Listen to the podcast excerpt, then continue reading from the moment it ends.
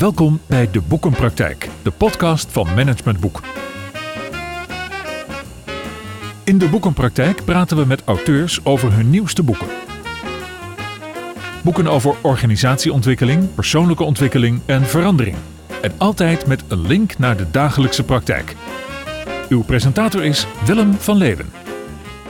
De kernvraag die we met dit boek proberen te beantwoorden luidt: hoe vergroten we de kans dat we effectief omgaan met de maatschappelijke opgaven waarmee we worden geconfronteerd?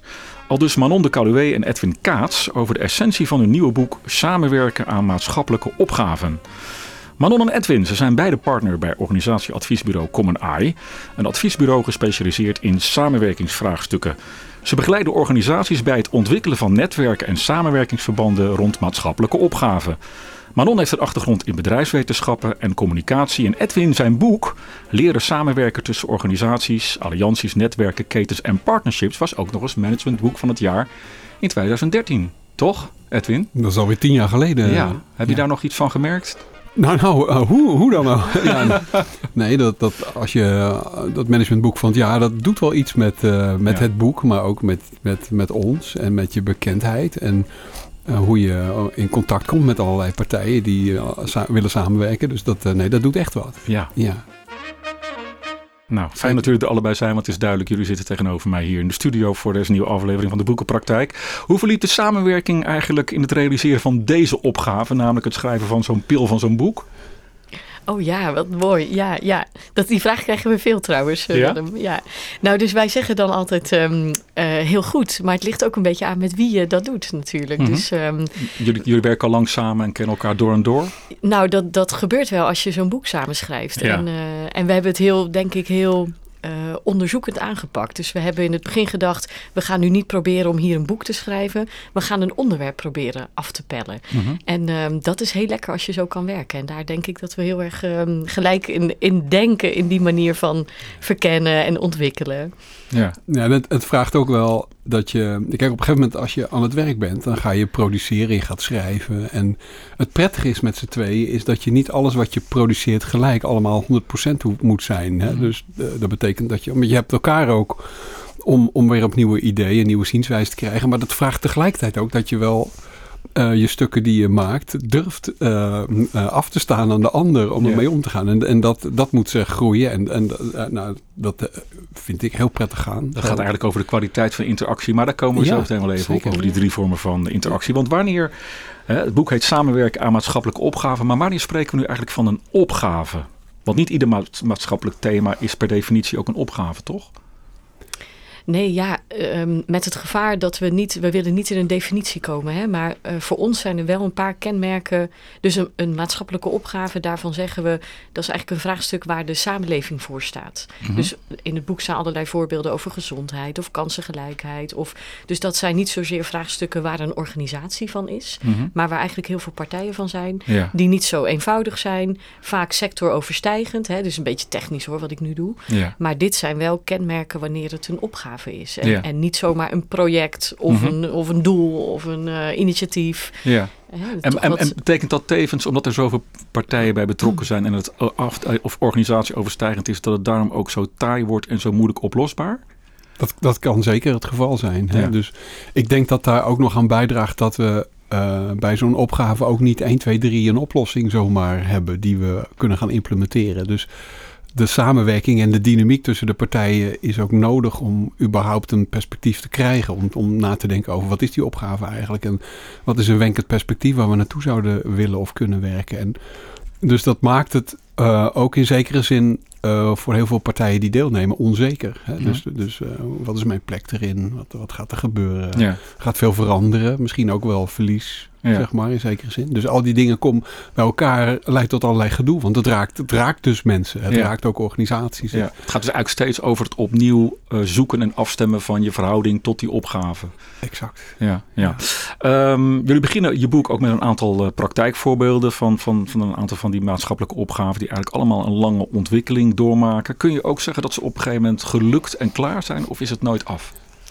Ja, Uh, leuke vraag. Dus, um, uh, en de, ik denk dat we er op een aantal manieren naar moeten kijken. Dus, uh, dus in die zin, het oplossen van een opgave is eigenlijk, als je redeneert vanuit het netwerk van partijen, eigenlijk een vraag die je niet, niet kunt beantwoorden. Hè? Want, mm -hmm. want um, we zijn aan het werk, het vraagstuk ontwikkelt zich steeds door, er komen nieuwe perspectieven bij. Dus Misschien het even een voorbeeld. Van, nou, dus het vraagstuk van gezondheid. Ja. We gaan nooit op een punt in de tijd komen dat we zeggen, oh, nu zijn we eigenlijk allemaal tevreden over hoe nee. gezond we zijn. Dat nee. is, blijft altijd in onderhoud. Ja, ja. Um, maar uh, de andere kant is, er zijn natuurlijk wel degelijk vragen. Dus het is voortdurend ook een prioritering van aan welke opgaven zijn we hard aan het werk in deze tijd. Ja. Hè? Dus, en dan zijn er wel degelijk opgaven waarvan we zeggen, nou, belangrijk, maar nu even uh, staat het huis uh, daar en daar net wat meer in brand. Ja. Hè? Dus, uh, dus dat dus is die mijlpalen moet je dan wel formuleren eigenlijk met elkaar. Om een soort van horizon te hebben waar je met elkaar naartoe werkt. Uh, ja, dus het helpt natuurlijk enorm om een perspectief te schetsen van wa waar werken we naartoe. Misschien Ja. is dat nog wel het belangrijkste uh, uh, instrument wat je in handen hebt om in beweging te komen. Ja. Maar dat is iets anders dan wanneer je zegt, oh, dan, aan dat doel gaan wij aflezen wanneer we klaar zijn. Hè? Ja. Dat, dat, dat kunnen we doen als we een huis bouwen, dan weten we wanneer we Ja. klaar zijn. Ja, dan heb je Maar als de, we de aannemer willen en de worden, timmerman de loodgieter nodig. hè, dan is het af. Maar je weet bijvoorbeeld al helemaal vaak niet, lees ik ook in jullie boek, welke partijen er nou daadwerkelijk allemaal betrokken zijn bij die Mhm. opgave. Dus hoe, hoe zorg je nou voor dat je ook de juiste partijen aan tafel hebt? Ook dat is volgens mij een soort van iteratief proces, klopt dat? Ja, dus het is ook de vraag of, of je moet zorgen dat, ze aan tij, aan tij, dat je ze aan tafel krijgt. Of dat die partijen zich ook melden om betrokken zijn aan die, om te werken aan die opgave. Dat Ja. werkt misschien ook wat anders. Ja. Uh, maar, maar dat is zeker een vraag. En, en uh, dus, dus wij hebben dan ook een beetje een soort van adagium in het hoofd. Dat die, dat die opgave zelf ook, de karakteristieken van die opgave waar die over gaat, wat te groot is. De, dat dat ook van belang is voor de bepaling wie er überhaupt bij betrokken zijn. Hè. zijn dat, uh, we willen graag dat mensen, uh, partijen betrokken zijn die ook daadwerkelijk wat hebben bij te dragen. Maar die ook inzicht en misschien ook de ervaring hebben met, met, met die opgave. Hè. Ik bedoel, Ja. Ik ben bezig met een, met een evaluatie van een, van een visserijnetwerk. En daar, daar, daar moeten we ook met de vissers spreken. Want Ja. want de vissers, die, die, die, die- het is hun bedrijfsvoering die in het geding is. Ja. Kunnen we met allerlei partijen eromheen gaan praten. Maar we moeten ook voelen hoe, hoe zij erin staan. Sterker nog, zij moeten betrokken zijn in dat netwerk. Zij moeten bijdragen aan de oplossing. Hè? Maar dat klinkt heel logisch. En is dat dan niet zo logisch? Dat, Dat juist... is helemaal niet zo vanzelfsprekend. Want we hebben, we, we hebben natuurlijk legio voorbeelden van allerlei samenwerkingspartijen. Dat, dat er partijen over, eh, nou in dit geval bijvoorbeeld de vissers gaan praten. Ja. Over hoe, hoe het moet met hun sector. Ja. En, en dat is zeer de vraag of dat, of dat functioneel is. Ja, en is dat ehm, ook niet een beetje nog steeds het overheidsdenken waar we anno 2023 in zitten? Dat de, de, de overheid, de, de gemeente, dus de degens, degens, wat een moeilijk woord, gedecentraliseerde Mhm. overheid over ons beslist. En dat die wel bepaalt samen met een aantal zorgpartijen bijvoorbeeld wat goed voor ons is?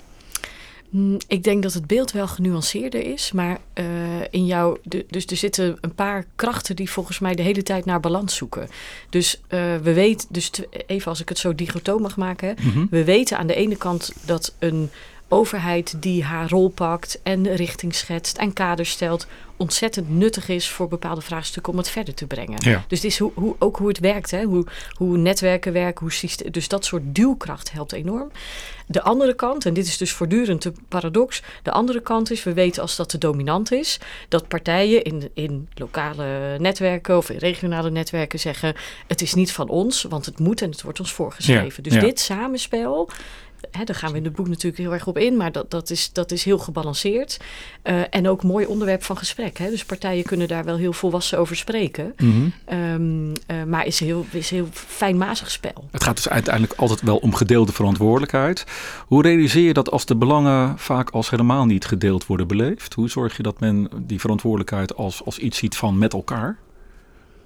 Ja, dat, dat, is, dat is niet zo makkelijk Nee. eh, natuurlijk. Dus, dus je, je, je kunt met elkaar eh, op een zoektocht gaan naar, eh, naar wat zijn de feiten, wat, wat- is er aan de hand. Kunnen we eh, overeenstemming vinden over wat er op ons afkomt, wat de signalen zijn, de ontwikkelingen die buiten aan de hand zijn.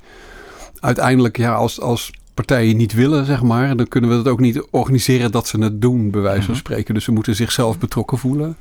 En daar hebben we natuurlijk wel, wel is heel veel repertoire om partijen bij elkaar te brengen en om uh, partijen te verbinden met de opgave, om het maar even zo te zeggen. Ja, maar het betekent nog wel vaak, dat lees ik ook in jullie boek, dat de ene partij denkt, ja, maar dit is onze core business. Mhm. Dus wij, uh, wij hebben hier een soort voorrangspositie als het gaat om verantwoordelijkheid, maar ook wel oplossingsrichting, toch? Ik bedoel, die gelijkschakeling is er ook niet gelijk als je met tien partijen aan tafel Nee. zit. Dat je zegt, oké, we zijn met tien partijen verantwoordelijk. In de perceptie van partijen, denk ik dan. Nee. nee, en misschien als ik het nog een beetje anders mag framen, ver- vergeef me dat ik dat doe hoor. Maar, ehm, Doe maar. dus, want we zien natuurlijk in dit soort netwerken zie je een hele grote diversiteit van partners. En sommige partners die echt een sleutelpositie hebben in het netwerk, omdat het hun hele kern raakt. ja. Andere partners die veel meer aan de zijranden staan, of misschien zelfs een beetje in de slipstream het wat meer volgen. En voor ons zijn er dus allerlei manieren om eh, daarmee wel te werken. Dus wij proberen een beetje af te komen van het idee, zeg je eigenlijk ook. Hè? Al die partijen moeten het op één punt in de tijd helemaal eens zijn en alles uitgekruist hebben. Mhm. We zeggen dat is eigenlijk niet realistisch. Dat lukt wel met vier partners, maar dat lukt niet met 10, 20, Nee. 30, 40, want de diversiteit is te groot. Dus zoeken we veel meer naar manieren van werken die toch beweging eh, voor elkaar krijgen. Er mag ook leiderschap Zoals, zijn. is dat dan bijvoorbeeld het voorbeeld van wat Nijpels deed destijds met de klimaattransitie, met de verschillende tafels? Dus dat je niet met 40 man of, of vrouw aan één tafel zit, maar Exact. dat er op verschillende, laten we Ja. zeggen, Precies, eh, momenten fragmentarisch wordt gewerkt aan, aan één opgave. exact. Ja. Dat is Ja. een voorbeeld. Wa- Wat je ook wel eens ziet is dat er partijen daar zijn die zeggen... wij willen wel het voortouw nemen om nieuwe werkwijzen te ontwikkelen. Daar gaan we mee aan de slag. We proberen daarin rekenschap te geven van allerlei andere partners in het netwerk... die dat ook weer kunnen gaan gebruiken. Hè? Dus zo ga je zeg maar koplopers en wat meer partijen hebben... die daar mm, eh, mee gaan werken, daarop volgen. Ja, Dus er zijn allerlei eh, manieren om dat te doen. Ja. Eh, Ja. Heel interessant, hè? zeker. Stelling 1. Daar komt hij. Hoe meer partijen er worden betrokken bij het realiseren van een opgave, hoe taaier de samenwerking met als gevolg een enorme vertraging en dat leidt weer tot een toenemend wantrouwen in een goed resultaat. Eens of oneens? Oneens. Ja, oneens. hey, Ja. vertel eens. Afhaken gaat toch eh, eerder op de loer liggen op het moment dat het allemaal lang duurt? Nou, dat kan het geval zijn, maar, maar je, je begon te zeggen met als er heel veel partijen bij betrokken zijn. Ja. Wordt de eh, samenwerking Het gaat niet alleen om de kwantiteit, maar ook om de kwaliteit. Dus Ja. als eh, zijn netwerken kunnen heel nuttig zijn, of die, hè, de, de opgavenetwerken die zich rondom opgaven eh, ontwikkelen, Mhm. kunnen juist heel nuttig zijn, omdat er meerdere partijen zijn. Zeg, als het vraagstuk eh, nog niet zo helder is, dan Ja. hebben we heel veel verschillende soorten kennis en, en deskundigheid nodig om te begrijpen wat er aan de hand is. Ja. Dan hebben we juist een beetje meervoudigheid en, en, en, en talrijkheid nodig om überhaupt een gevoel te krijgen wat er aan de, aan de hand is. Zeg ja, maar. nee, dat snap ik. Maar, En, en dat is dus niet automatisch dus negatief. eh, nee, als het tot eh, niet, vervolgens niet een opvolging krijgt in, een, in een, een soort van nuttige manier van werken met elkaar in beweging. En het blijft alleen maar praten. Mhm. eh, eh, en en dan, dan, kan het, dan kan het dysfunctioneel worden. Dat het ongemakkelijk wordt en traag en, en Ja. gedoe. ja. Ehm, maar hoe zorg je dan voor die vooruitgang? Want ik kan me ook voorstellen dat er partijen zijn die niet altijd rijkhalsend uitkijken naar afstemming met veel andere partijen, omdat ze een stuk autonomie verliezen. Weet je waar we het net ook Dat over hadden? Dat kan, maar je gaf net zelf ook al even een, een hele interessante invalshoek door te zeggen, ja, misschien moeten we ook een beetje differentiëren. Hè? Maar dan zei, zei je ook van, ja, je, je, je gaat niet met z'n allen op één onderwerp zitten, maar we kijken even van wat, wat zijn de verschillende interesses en belangen die eh, aan de orde zijn. Dus een, een, een vraagstuk is nooit een één homogeen vraagstuk. Er zitten allerlei subvraagstukken in. Ja. Daar kunnen we een beetje in verdelen. We al, al wat meer kunnen aansluiten bij de interesses, belangen, motivaties van partijen. Ja. Dus dan, dan maak je het al veel functioneler en werkbaarder. Hebben jullie ook een voorbeeld van, van zo'n opgave die misschien in eerste instantie wat, ja, ik noem dat eendimensionaal werd aangelopen en die, waaruit later blijkt dat het veel, dat het veel, veel multidisciplinairder moet worden afgestemd? Hebben jullie daar een voorbeeld van? Nou, ik ben zelf in een regio betrokken geweest bij een woonzorg-samenwerking. en dat werd heel erg eh, gezien als een hele grote plenaire activiteit. Ja.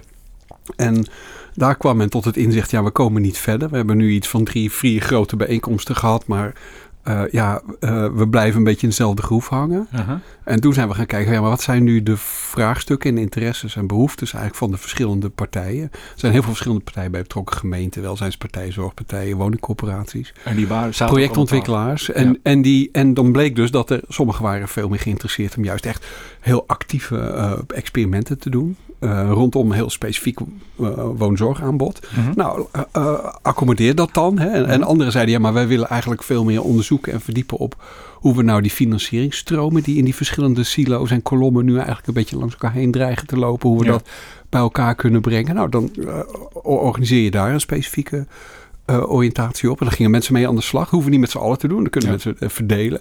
Waardoor je, uh, en je slaat dan ook al een beetje vliegen, twee vliegen in één klap misschien. Hè? En je sluit aan bij wat mensen belangrijk vinden. Om ja. even zo te zeggen. Ja. Uh, maar bovendien maak je, je geeft het ook een werkbare vorm. Want uh, je gaat met elkaar dingen onderzoeken, er komen resultaten uit. Ja.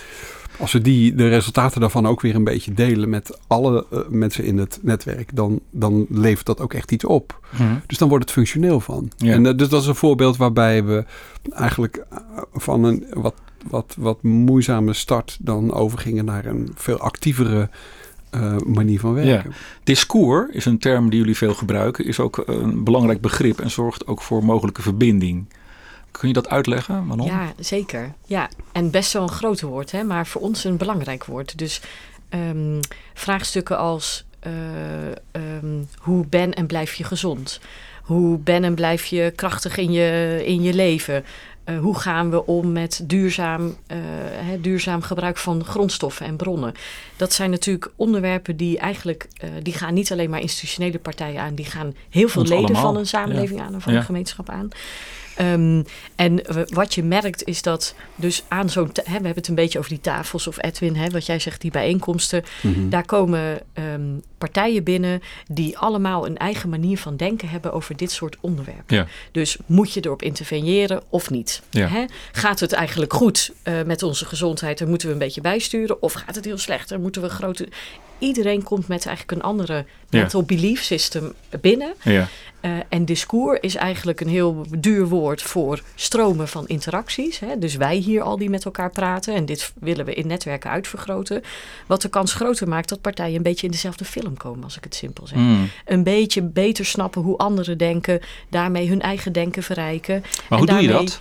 Ja, hoe doe je dat? Dus, dus, um, dat doe je, dus wij doen, wij zijn discours aan het maken. Mhm. Dus dit zijn ook trage processen Ja.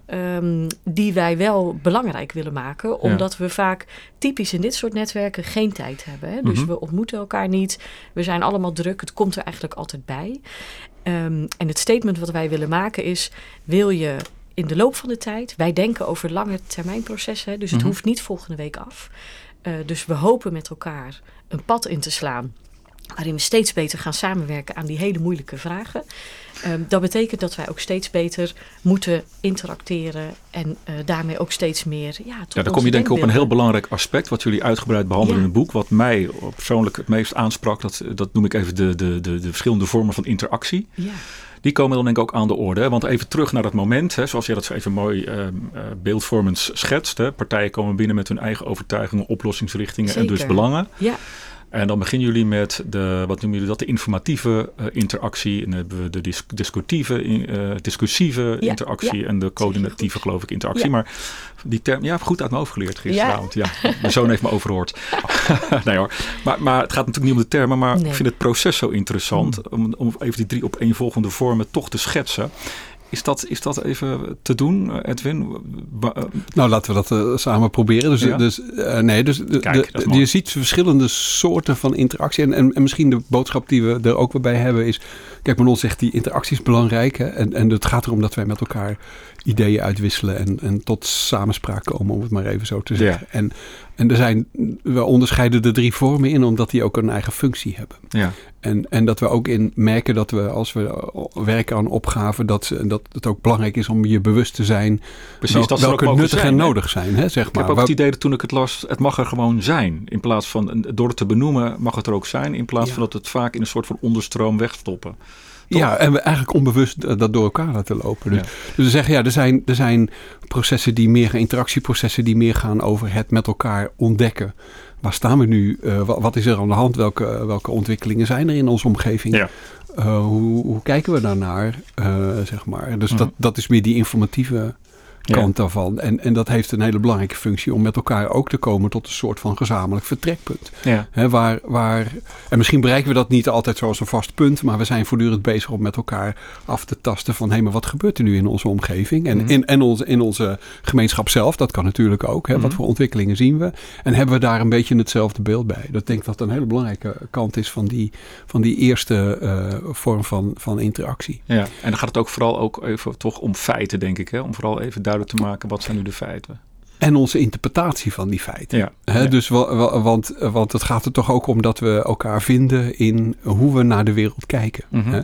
Dus dat is een van de risico's, is dat, we, dat we de feiten gaan, uh, gaan relativeren. Dat zeggen we ook in de, ergens in het boek, is dat er dat natuurlijk allerlei processen zijn die zeggen van ja, maar uh, jouw waarheid is de mijne niet. En jij kan dat wel onderzoeken, maar ik kan allerlei vraagtekens zetten bij jouw onderzoek. Het gaat er uiteindelijk om, is dat we een soort van common ground vinden in hoe wij naar de wereld kijken. Want dat biedt ons een gezamenlijk vertrekpunt eigenlijk. En, en dat is een heel belangrijk gegeven. Ja, maar toch even, bijvoorbeeld als ik naar zo'n opgave, als ik aan zo'n opgave denk als de woningbouw, dat komt lastig van de grond, um, is algemeen bekend.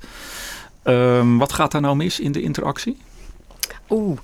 Um, uh, bijna in zijn algemeenheid niet te zeggen, hè, maar, maar wat wij, dus je noemt de opgave woningbouw. Wat je vaak ziet is dat Um, dan is hij al geframed natuurlijk. Dan is hij al een beetje geframed, ja. Dus, dus even, wij gaan dat weer een beetje ontframen. Hè. Maar je ziet dat daar veel rondom het vraagstuk van uh, ontwikkelen van woningen en passende woningen komen veel partijen samen uit. Jij noemt al het voorbeeld Edwin, dus vaak uit zorg en welzijn. Um, inwoners, gemeenten, provincies en allemaal partijen die zich daaromheen bewegen.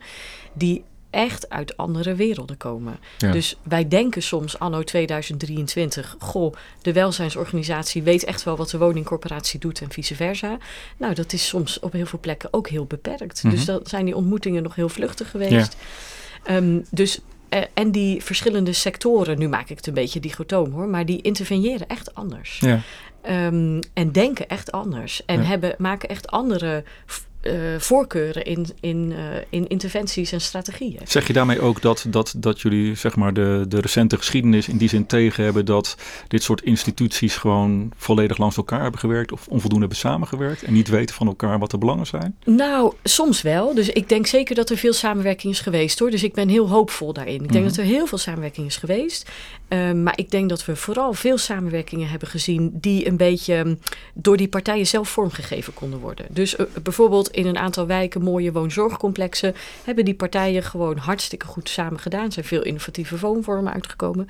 Nu gaan we eigenlijk meer vanuit de opgave redeneren. Dus niet zozeer de werkelijkheid zoals die partijen hem zelf willen vormgeven, maar zoals we hem rauw zien. Hè? Mhm. Ehm, eh, en dan ontdek je dat die interactie. Ik snap al niet wat je bedoelt met rauw zien. Wat bedoel nou, je? dus um, uh, als je in het vraagstuk van wonen duikt, of in het, het voorbeeld Edwin even doorvoeren wat jij geeft over ja. wonen, zorg en welzijn. Er zijn heel veel mensen in Nederland die het heel erg moeilijk vinden om aan een woning te komen, die veel zorg en begeleiding nodig hebben.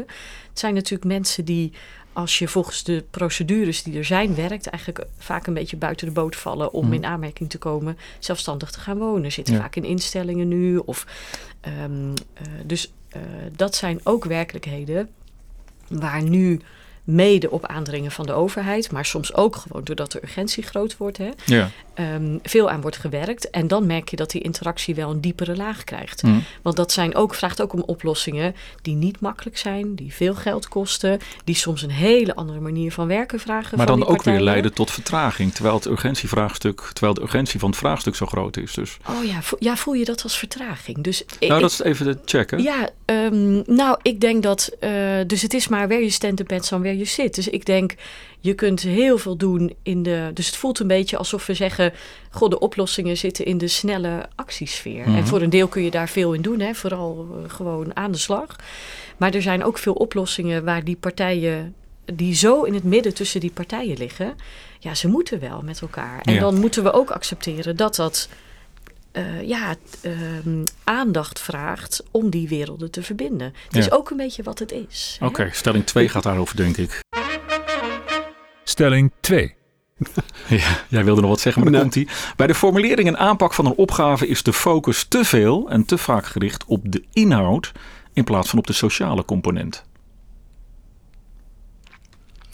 Ja, ik ga eens zeggen omdat ik hem daarna kan toelichten. Ik weet niet of het altijd zo is, maar... ik zie Edwin nog heel ja. bedenkelijk kijken. Nee, ik zit met hetzelfde euvel. Uh, ik zou zeggen ook eens. Ja, ja. Um, kan je hem toelichten? Nou, dus het is een beetje stellig gezegd, hè, maar daarmee ontlok je natuurlijk wel. Um, uh, dus het is heel verleidelijk om alleen op de. Hè, dus we moeten ook de inhoud bespreken. Zeker. Dat was mijn oneens component. Ja, hè, want absoluut. die inhoud is natuurlijk alles wat ons Ja. drijft. Ja. Dus dat moeten we goed en verdiepend bespreken. Daarvoor doen we het. En dan moeten we ook Daarvoor doorheen. doen we het uiteindelijk. Ja. En, ehm, maar we veronderstellen vaak dat partijen eigenlijk als vanzelf die inhoud wel goed kunnen bespreken. En hè, Willem, alles wat wij tot nu toe zeggen, de afgelopen tien minuten, eh, onderbouwt dat dat wel eens zomaar niet het geval zou kunnen zijn. Dus dat we langs elkaar heen praten of dat ik toch jouw motieven en belangen misschien eh, niet zo goed ken en daarmee ook niet zo goed jou in positie kan brengen. Dus de manier waarop we dat doen, de kwaliteit van het gesprek doet er heel erg toe. En sterker nog, zorgt er ook voor dat wij relaties ontwikkelen met Ja. elkaar. En die moeten we hebben om samen te werken. Ja. En, en ook terug naar dat voorbeeld waar we net even eh, in zaten. Hè? Dus je, woningbouw? ja, de- bijvoorbeeld, hè? Ja. Dus, dus je, eh, wat er gebeurt is dan in regio's gaan, gaan dan ehm, eh, bureaus die, die gespecialiseerd zijn in, in eh, woningmarktonderzoek, gaan dan een woningmarktonderzoek doen. Ja. En, en dat is dus heel erg gefocust op de inhoud. En terecht, want we willen weten hoe de, hoe de stand er is. Waar zit nu eigenlijk de mismatch tussen vraag en aanbod, om maar wat te zeggen? Ja. En dan gaan we erover praten en dan blijkt dat we eh, dat, dat onafhankelijke onderzoek, eh, dat we dat heel erg anders interpreteren. En dat die interpretatie te maken heeft met hoe wij naar de wereld kijken. Ja, ja. betekent ook dat we in ons hele financieringssysteem hele andere triggers hebben zitten. Ja, Hoe wij kijken naar, naar wat een mismatch überhaupt is. ja. En, en dan ineens eh, kun je wel zeggen, ja, we hebben het over de inhoud. Maar dan hebben we het ook ineens over de dynamiek die tussen die partijen aan Weet je, de die discursieve interactie is dat volgens mij. Ja. Dan kom je eh, tot die verschillende werkelijkheden, noem ik het maar even, op basis van zo'n onderzoek. En, en dan? Is er dan meer ruimte om tot een oplossing te komen? Want ik zoek toch een beetje naar het perspectief daar dan in.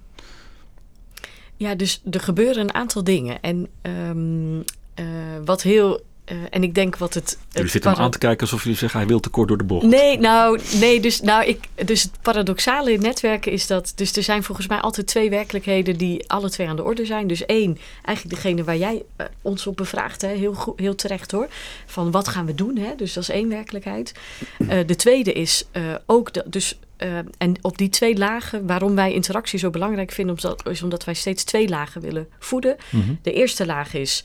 Kunnen wij chocola maken van wat er aan de hand is? En kunnen wij tot gezamenlijke strategieën komen? We hoeven het niet tot op de punt komma eens te zijn. Maar een beetje in dezelfde richting werken is wel lekker. Hè? Dus dan komen wij tot handelen Mhm. eens. De tweede laag is, en die is, heeft een veel langere tijdslijn en een veel eh, zeg maar diepere plek, is dat doordat wij dat doen, ontwikkelen wij ehm, eigenlijk een sociale infrastructuur waarop sectoren veel beter samenkomen, elkaar veel beter gaan verstaan. Ja. En die krachtgrepen die we dus soms nu moeten doen, binnen een half jaar moet er een plan van aanpak liggen voor zus en zo. Het zijn best krachtgrepen, hè? dus die, Ja. ze liggen er dan ook. Maar de vraag is, doorleven we ze ook echt? Dus de tweede laag waar wij steeds op zitten hameren is, zie dit nu ook als het maken van sociale infrastructuren, van sectoren die elkaar gaan vinden, partijen die me- verbonden raken en steeds makkelijker Maar ik zoek eh, even toch, hè, misschien ver- ver- vertegenwoordig ik dan eh, even in dit gesprek te veel het sentiment van de huidige maatschappij. Voor zover dat, maar er is natuurlijk ook wel een soort van sentiment op dit moment van het duurt allemaal maar. Crisis die niet opgelost worden. En ik snap natuurlijk ook wel dat dat niet eendimensionaal is. Maar toch, hè, dus aan de ene kant lees ik jullie boek en denk ik wat een, wat een ontzettende zorgvuldigheid als het gaat om te komen tot, tot, tot een gemeenschappelijk belang en daarmee een, een, een, een, een- perspectief voor, voor, voor, voor een, een oplossing en nooit af, daar hebben we het over gehad. Aan de andere kant duurt het allemaal maar. Dus, dus hoe kom je ook tot wat meer resultaat? Ja, ik vind, ik, vind ik, ik snap, ik vind het een hele interessante, eh, maar ook tegelijk een hele taaie en lastige vraag. Mhm. Eh, want ik heb ook zoiets van, ja, er is ons eigenlijk weinig anders gegeven dan Ja. deze weg te volgen. We zijn een samenleving waarin we met elkaar hebben te, te leven en we, we heel veel verschillende gezichtspunten en opvattingen en, en overwegingen hebben. Die hebben we bij elkaar te brengen. Ja. En wat zijn wij anders anders voor een samenleving? Ja. Of een gemeenschap, hè? Dat, is, dat woord treft het voor mij nog beter. Ehm, en, en dat we nu in een situatie zitten dat we daar weinig geduld voor hebben. Ja. Dat, is, dat, dat betreur ik. Aan de andere kant, er gebeurt heel veel. Ik, Manon reageerde net ook even in de situatie van... ja, je, zie je dat als vertraging? Dat, dit zijn de, reguliere, of de reguliere niet. Dit zijn de processen die we moeten doen. Maar is dit niet een, een, een, een antwoord of een, een, zienswijze... wat veel meer ook belicht mag worden? Want ik geloof dat we nog steeds in een maatschappij leven... waarin, ook als ik naar die politieke debatten kijk... het lijkt alsof wat vandaag een crisis is... morgen toch opgelost kan worden. Exact. Ja. Maar, maar hier gaat het over, denk ik. En ik denk dat, ehm, dus uh, nu word ik genuanceerd hoor, maar uh, dus de taal, wij laten ons nu um, verleiden tot taal in de zin van er gebeurt niks. Mhm. En dat, daar ben ik echt uh, In dat frame willen we tegen. niet stappen. Ja. Ja. En dat frame gebeurt, dat gebeurt ons heel vaak. Dus ja. ook in politieke contexten is het soms aantrekkelijk om dit frame dus dit frame te gaan gebruiken. We zijn alleen maar praten en niet aan het doen. En dat is gewoon niet waar. Dus rondom de vraagstukken van woningbouw, rondom de vraagstukken van energie, er gebeurt ontzettend veel. Um, uh, gelukkig. En, en uh, daar moeten we vooral op doorstuwen. Maar belichten we dat voldoende? Dat er, dat dat er veel gebeurt? Dus in, in, laten we zeggen, in de manier van met zo'n elkaar, al is het alleen één aspect van jullie zes domeinen die jullie overigens behandelen in dit boek als een soort van routekaart uh, in die maatschappelijke ja, opgave is alleen al het agenderen van de opgave, wat er mhm. allemaal al bij komt kijken. Wordt dat voldoende, behalve dat nu jullie boek nog eens een keer heel duidelijk staat, wordt het voldoende transparant gemaakt, waardoor mensen, burgers die wat meer op afstand staan, ook misschien weten, oké, er is aandacht voor, maar... Ja, goede vraag. Dus um, uh, ja, jij wil reageren. Nou ja, ik, ik zou zeggen, het is even wie het vraagt, uh, Willem. Dus, dus ik denk dat mensen die heel erg betrokken zijn in netwerken, uh mhm. -huh. zou ik niet willen, die, die hebben geen extra belichting nodig, denk ik, want die zijn er actief aan ja. betrokken het, het discours in de media misschien, als je daarop doelt, dan denk ik dat we er te weinig oog voor hebben. Dat hm. denk ik zeker. Ja. Ik denk dat, dat er heel, en ik eh, ga helemaal mee met Manon, de, die, er gebeurt heel veel, er wordt heel veel gedaan. Uh, wat niet zo zichtbaar is. Uh, en als wij maar dat frame in stand houden dat, dat, dat het allemaal traag en langzaam gaat. Dat zou jammer zijn. Dat doet ook geen recht aan wat er allemaal wel gebeurt. En, ja. en, en er zijn ook allerlei mensen. Kijk, want we hebben allerlei eh, in, in al, al, die systeemwereld zitten allerlei barrières en belemmeringen. En er zitten silootjes in. En ja. daar zijn mensen elke dag tegenaan het vechten. Ja. En, en we kunnen zeggen van ja, maar dat, dat zouden ze niet moeten doen. Maar, maar uh, dit is gewoon de praktijk en de realiteit. En er wordt heel veel uh, ge geprobeerd om, dat, om, om, om transparant, om er doorheen te gaan, om het anders te doen. maar we zitten af en toe ook een beetje gevangen. En ik denk dat we er eerder een beetje, um, hoe zou je dat kunnen zeggen een beetje mededogen voor moeten hebben. En, en moeten zeggen van ja, maar dit is onze gezamenlijke uitdaging. Mm -hmm. hè?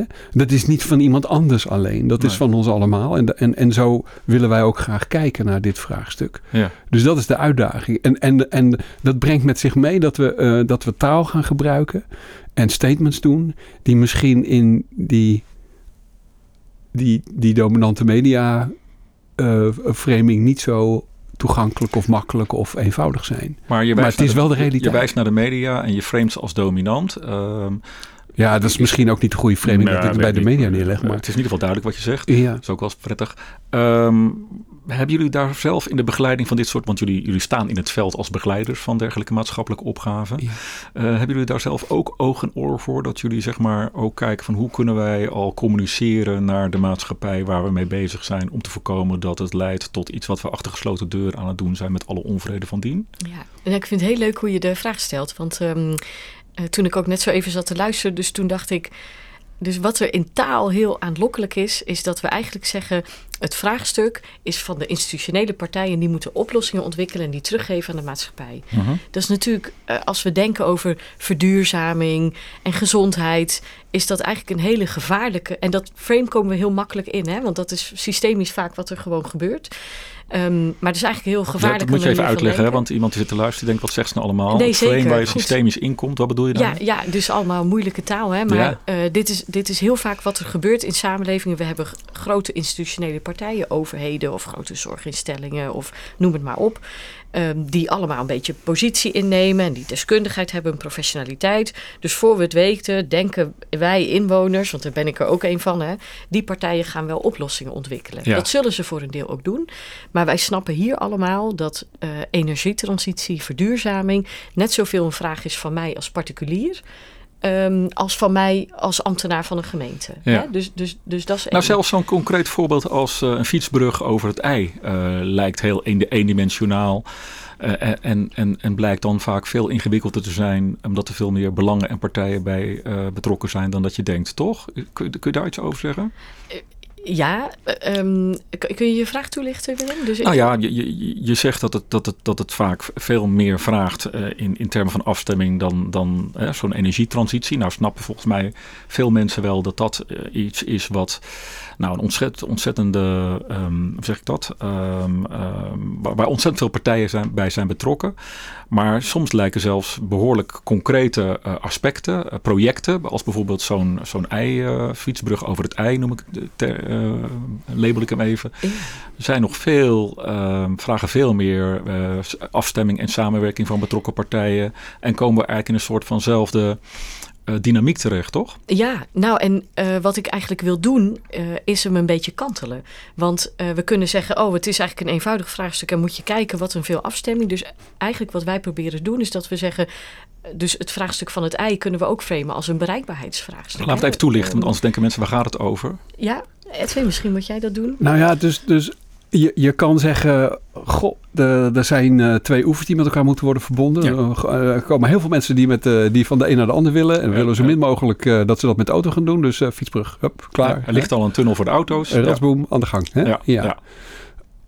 Maar als je het even plaatst in de ontwikkeling van de, ges- de historische ontwikkeling van Amsterdam met Amsterdam Noord en wat we daarmee doen en hoe we daarmee verder gaan. Wat ons perspectief is op de stedenbouwkundige ontwikkeling van Amsterdam Noord in relatie tot de stad. Ik noem maar wat. Hè. Ja. Je zou zelfs vanuit een arbeidsmarktperspectief kunnen gaan kijken naar dit vraagstuk. Dus even het perspectief, eh, de lens die je op dit vraagstukje legt. ja. Hè. En, en is gaat het dan echt om die, om die fietsbrug of gaat het om een veel groter vraagstuk? Want die fietsbrug is ook maar één van de verbindingen in een, in een netwerk van, van allerlei verbindingen. Dus even, ik, ik- het is helemaal niet zo moeilijk om dit onderwerp heel gro- veel groter te maken. Ja. En wat is dan het vraagstuk? Daar En, wat is dan het vraagstuk? Ja. En, en, en, eh, en dat vraagstuk wordt mede bepaald door de partijen die zich bemoeien en betrokken voelen bij dit thema, hoe zij kijken. Ja. Dus dus ehm, het is ook niet voor niets dat bij dit specifieke voorval het vraagstuk is opengelegd. Door er met een wat groter perspectief met meerdere partijen naar te kijken.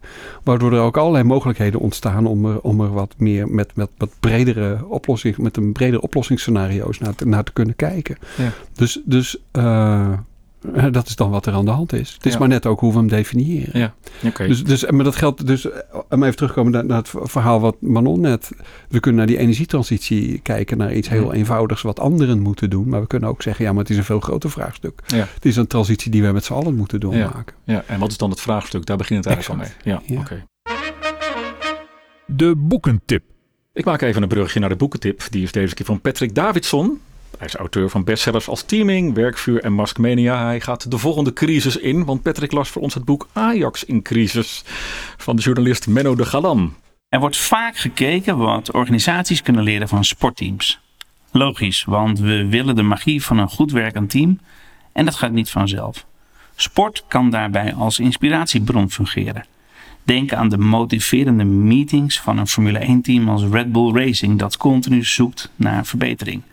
We schreven erover in ons boek Teaming. Nou, vergeet dat als je hieraan begint. Dit boek laat vooral zien dat Nederlands grootste voetbalclub buiten het veld het niveau van een middelmatige MKB-organisatie zeker niet overstijgt. En dat blijft niet zonder gevolgen. Helaas, zeg ik als Ajaxiet. Tijdens het lezen wordt die middelmaat op pijnlijke wijze voelbaar wanneer de auteur de woorden van Edwin van der Sar, op dat moment directeur van een beursgenoteerd bedrijf, letterlijk weergeeft. Tenenkrommend, anders kan ik het niet zeggen. De val van Mark Overmars maakt zichtbaar wat velen al voelden. Van der Sar is geen leider. En dat wordt pijnlijk duidelijk. Ondanks tijd en geld die in hem geïnvesteerd zijn door coaches, adviseurs en commissaris. Wat bij mij verder blijft hangen bij het lezen van dit boek, naast die middelmaat, vooral ook snelheid. De snelheid van verval. In korte tijd is immers afgebrokkeld en afgebroken waar jaren aan gewerkt is.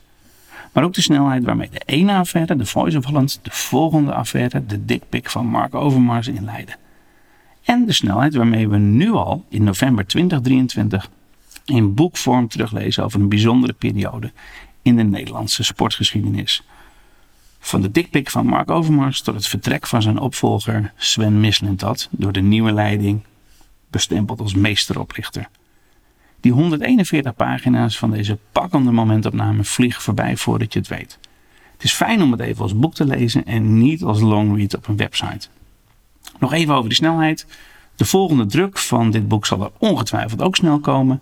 En als de helaas onvermijdelijke slordigheidjes eruit zijn en de uitgever een namenregister of een kort tijdlijn toevoegt, dan wordt het boek ook voor de andere helft van Voetbal Nederland een page-turner. Het boek helpt Ajaxide om de gifbeker helemaal leeg te drinken. En supporters van andere clubs zullen, als ze zich door alle personages heen weten te worstelen, smullen van de onkunde. Hoe lang het duurt voordat de grootste club van Nederland zich weer opricht, nou, in de sport kan het snel gaan. Laten we ons daar maar aan vasthouden. Ja, tot zover de boekentip van Patrick Davidson. Terug naar onze gasten Manon de Caluwe en Edwin Kaats. Naar aanleiding van hun nieuwe boek Samenwerken aan maatschappelijke opgaven. Stelling 3. De huidige digitalisering van veel organisaties, waarbij het systeem leidend is, bevordert de multidisciplinaire samenwerking in opgaven tussen deze organisaties allerminst. Oeh. ehm, Eens of oneens? oneens. Bevordert het allerminst. Ja. Dus bevordert het niet. Ik wou Nee, oneens. oneens. oneens. Nou, dat is leuk. Waarom ben jij eens? Nou, ik was oneens, maar... Oh, eh, oneens. Oh, sorry. Oké. maar dat is helemaal oké. Nou, ehm, eh, ik, vind, ik vind het ook spannend om hier iets over te zeggen, want we weten nog heel weinig van de werking van digitalisering. Maar gisteren, Edwin, zaten wij toevallig samen Ja. in een gesprek, ging het over AI onder meer.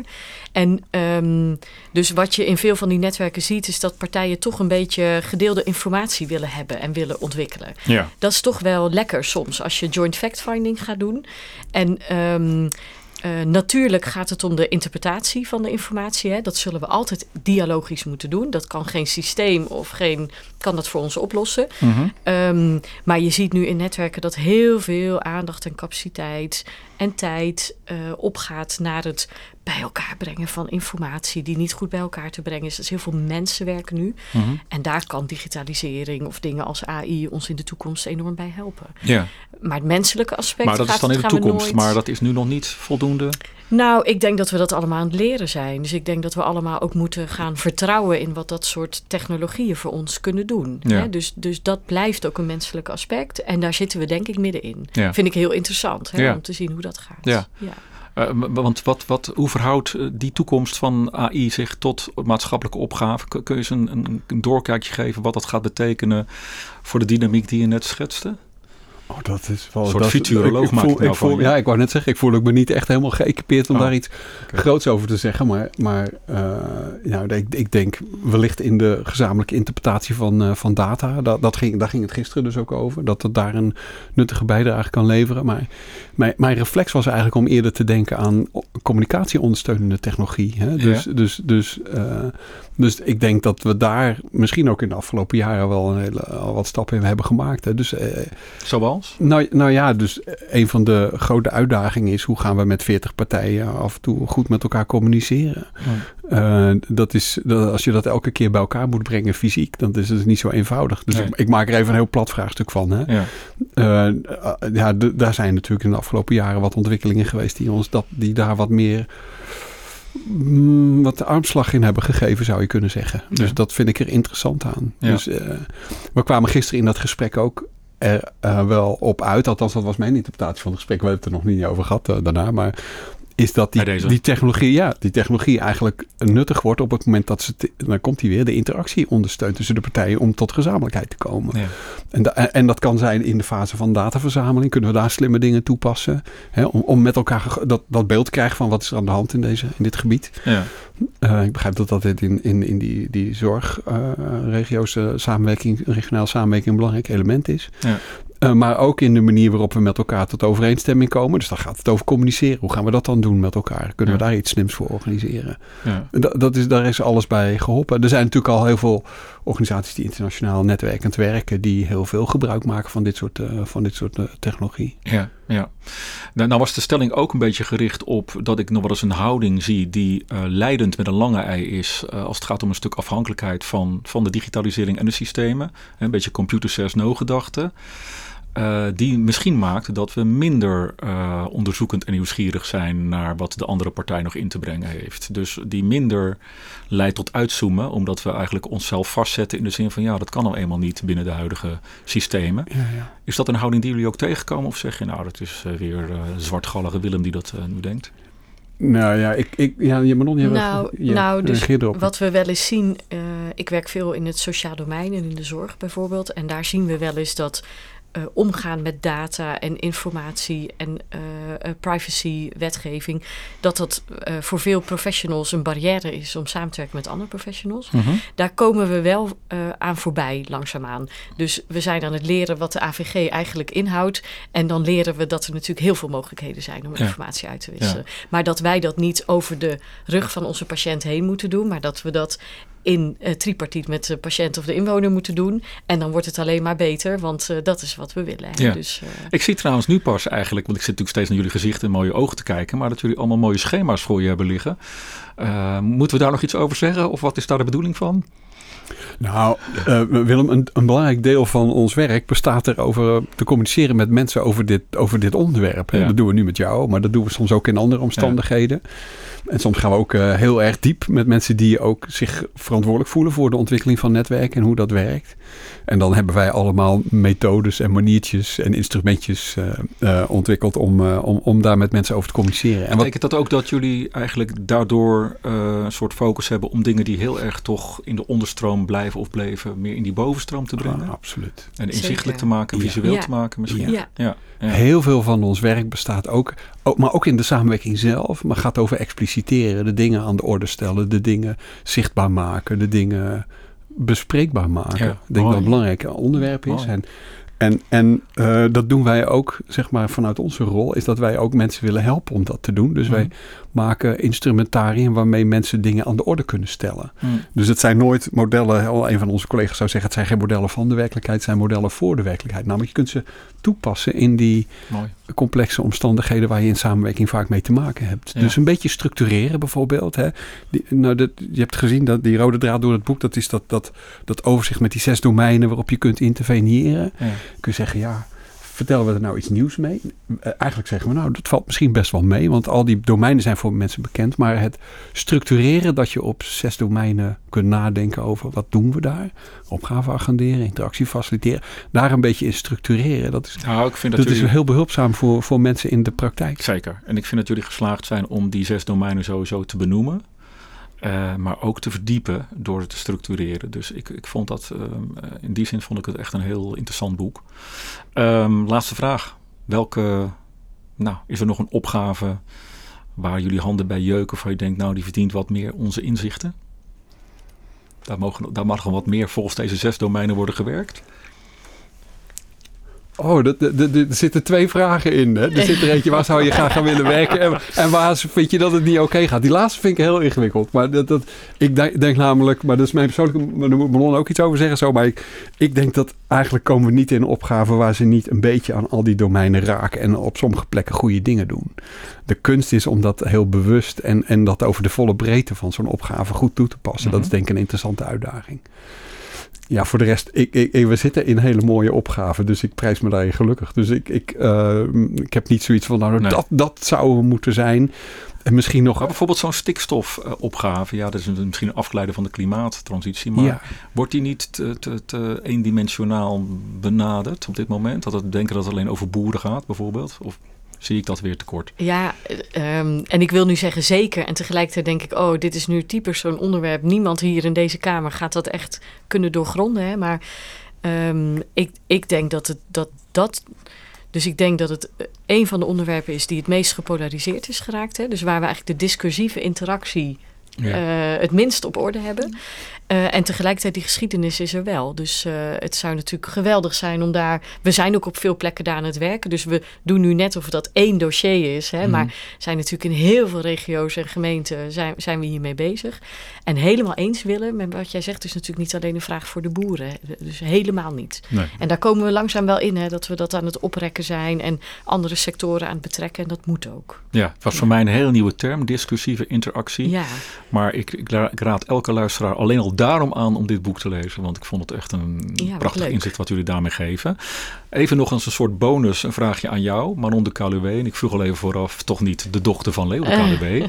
zei je, nee, dat is wel mijn oom. Ja. Is er nog iets in zijn veranderkundige aanpak wat jij meeneemt in jouw werk? Ook in waar we het nu over hebben? Nou, um, dus twee dingen, denk ik. Dus één, wat Leon natuurlijk als geen ander beheerst, is dat ieder met zijn eigen bril naar de wereld kijkt. En dus ieder ook met zijn eigen bril kijkt naar wat is dan goed om te doen. Ja. En uh, dat heeft hij natuurlijk feilloos afgepeld, hè, maar dat zit ook enorm in ons denken. Ja. En um, uh, wat daar ook enorm achter zit, is dat het is zo verleidelijk om te zeggen: we moeten het dus eens worden.